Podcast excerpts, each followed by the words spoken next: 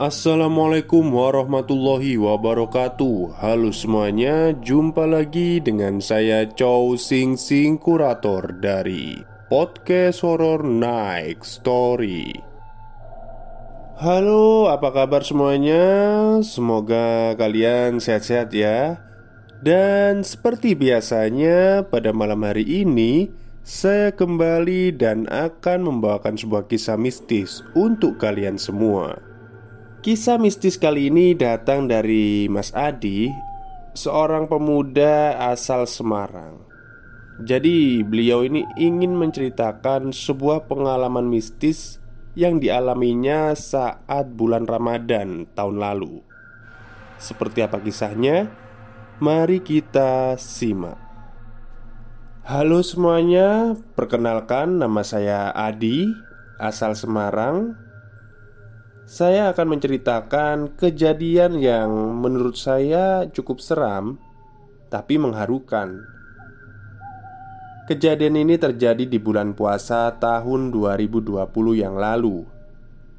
Saat itu, COVID masih baru saja masuk ke Indonesia. Karena pekerjaan saya diliburkan, akhirnya di pertengahan bulan Ramadan, saya pulang ke kampung halaman yang ada di Semarang.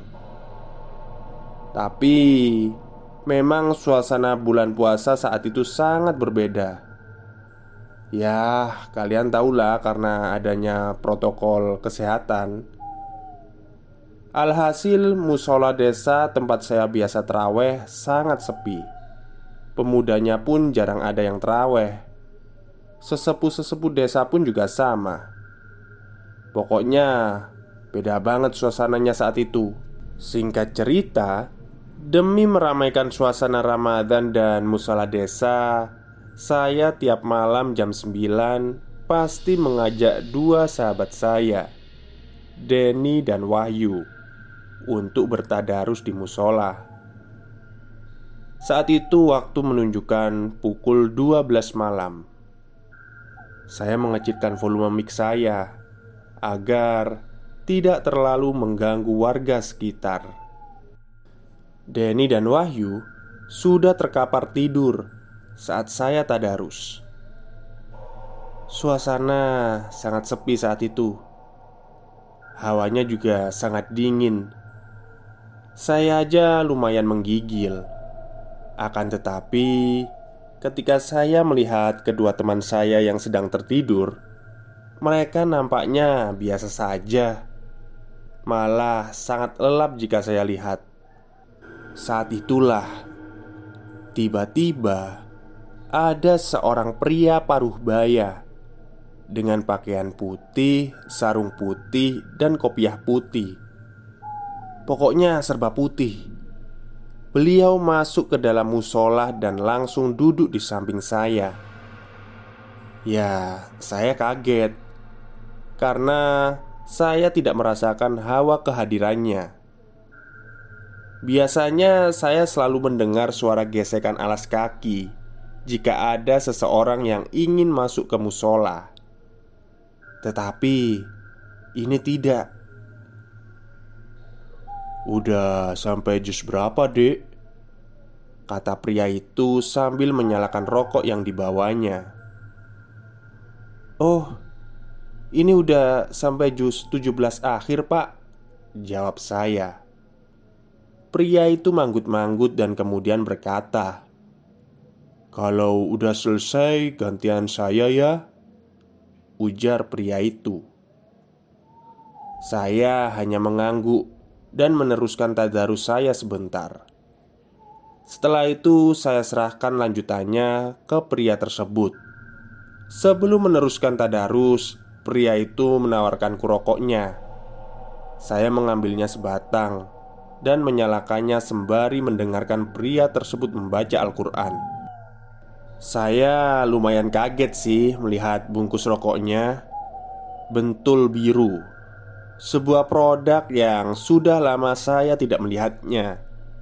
Bahkan saya berpikir sudah tidak diproduksi lagi. Tapi masa bodoh lah yang penting ada rokok untuk sekedar melawan hawa dingin ini. Setelah menghabiskan sebatang rokok, saya mendekat ke Wahyu dan Denny. Tapi posisi tidak tidur terlentang. Saya hanya bersender ke tembok musola. Biasanya mata saya kuat untuk bisa bertahan sampai waktu sahur. Tapi malam itu berbeda. Mata dan badan saya berat sekali. Ya, akhirnya saya tertidur dalam duduk. Singkat cerita, Denny dan Wahyu membangunkanku karena sudah waktunya untuk sahur. Dan kulihat pria tersebut sudah tidak ada.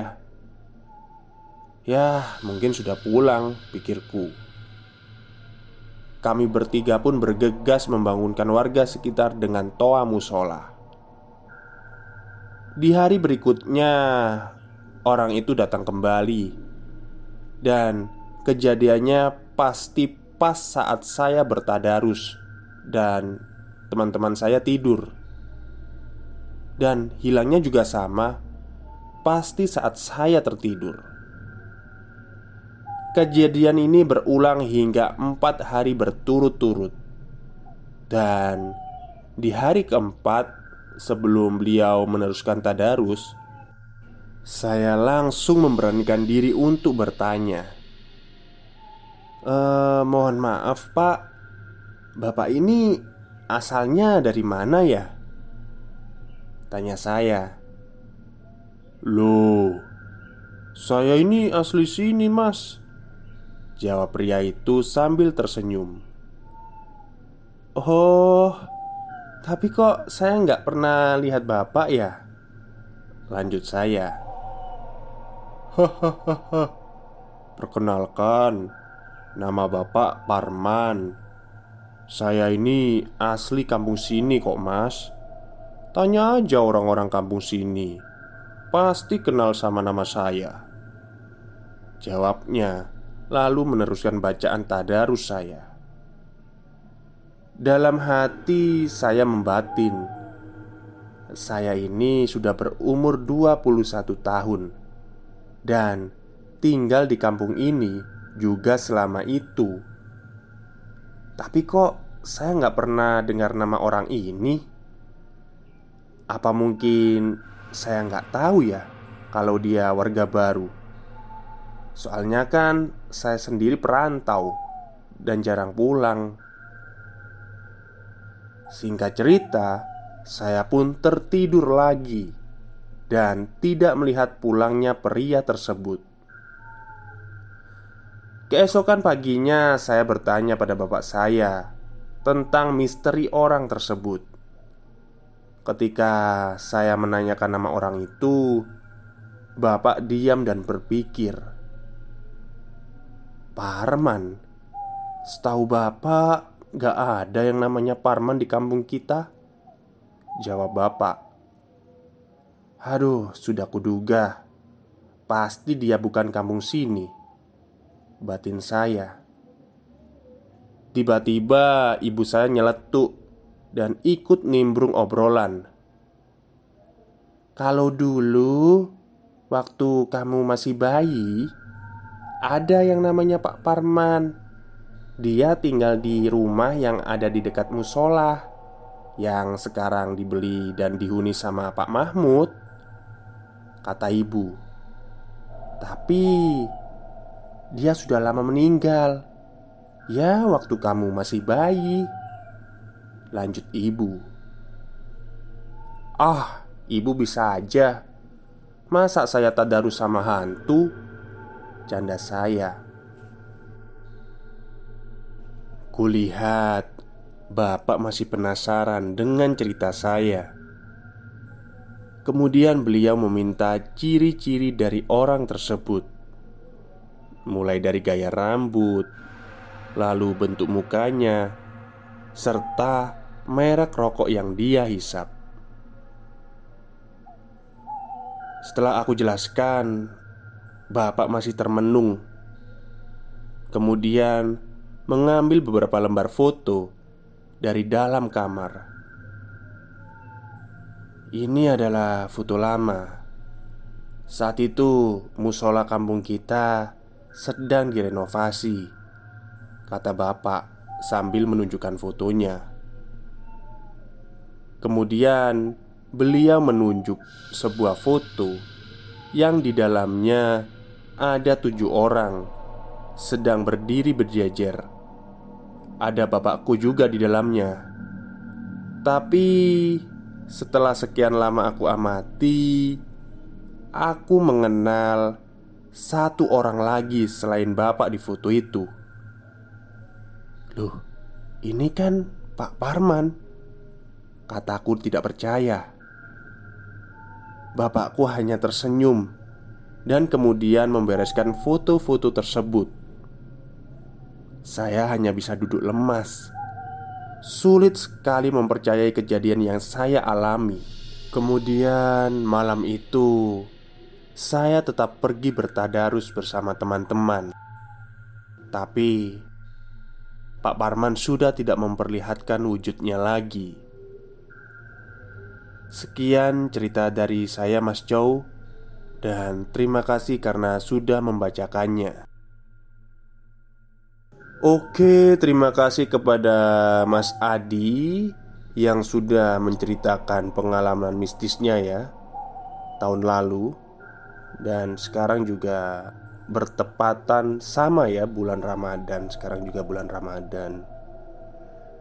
Ya, mungkin saja itu jin yang menyerupai Pak Parman. Jin musola ya maksudnya.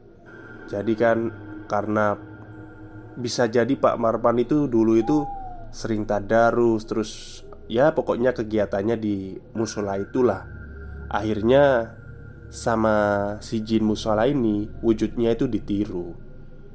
Itu sih menurut apa ya pengalaman yang pernah saya dengar dari orang-orang kayak gitu oke mungkin itu saja ya cerita dari saya pada malam hari ini.